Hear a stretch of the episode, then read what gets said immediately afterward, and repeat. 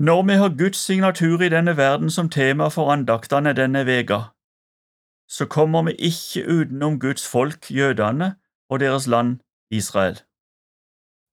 Dette emnet er så stort at det er umulig å yte det rettferdighet gjennom en kort andakt, men det blir helt feil å ikke ha det med. Bibelen er en jødisk bok, og Jesus var som sant menneske jøde, av Davids ett.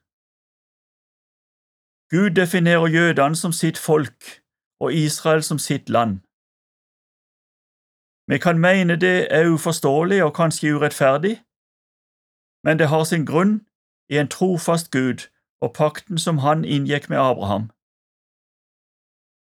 Og det har sin grunn i en utvelgelse. I Femte Mosebok 7, vers 6–8 leser vi For et hellig folk er du for Herren din Gud. Deg har Herren din Gud utvalgt av alle folk på jorden til å være hans eiendomsfolk.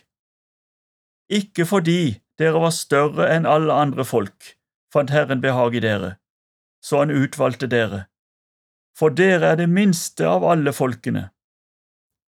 Men fordi Herren elsket dere, og fordi han ville holde den ed han hadde sverget deres fedre, derfor førte Herren dere ut med sterk hånd og fridde deg ut av trellehuset, fra faraos, egypterkongens hånd. Jødene ble like etter Jesu død og oppstandelse spredd over hele verden, og deres historie er full av urettferdighet, trakassering, forfølgelse, vold, blod og død. I 2000 år var de spredd bokstavelig talt for alle vinder, akkurat slik vi finner det beskrevet hos profeten Esekiel i kapittel 36. Men her er det også løftet om at Gud vil samle sitt folk igjen i deres opprinnelige land.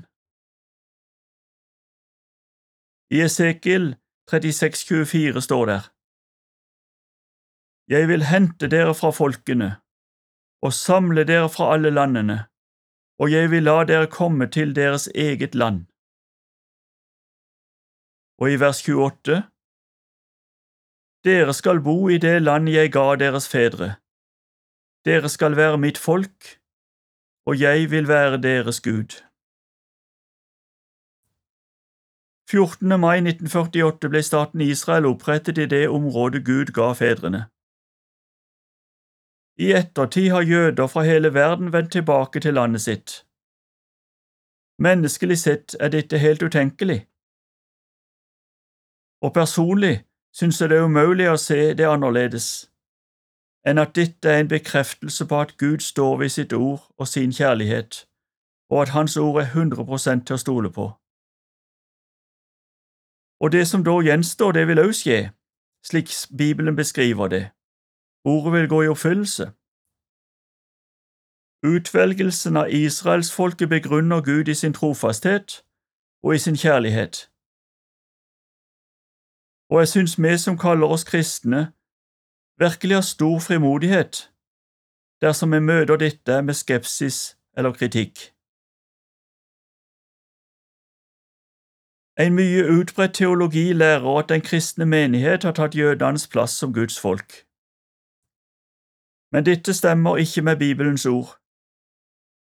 I Romerbrevet kapittel 11 behandler Paulus akkurat dette spørsmålet, og minner oss om at det er vi, hedninger, som er podet inn på det sanne vintre, og at det er roten som bærer oss, og ikke vi som bærer roten. Vers 18. Dessuten må vi aldri glemme dette, for sine nådegaver og sitt kall angrer Gud ikke på. Det er Romerbrevet 11,29.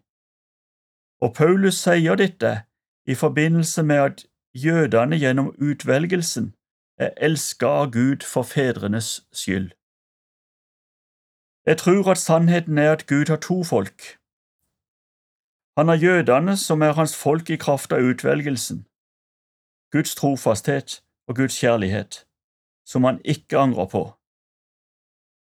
Og så har han de som tror på han, jøder og hedninger, som tror på han som han har utsendt, altså Jesus Og så handler Gud med sitt jordiske folk, jødene, i den fysiske verden, for å vise sitt åndelige folk, den troende menighet, hvordan han handler med dem i den åndelige verden.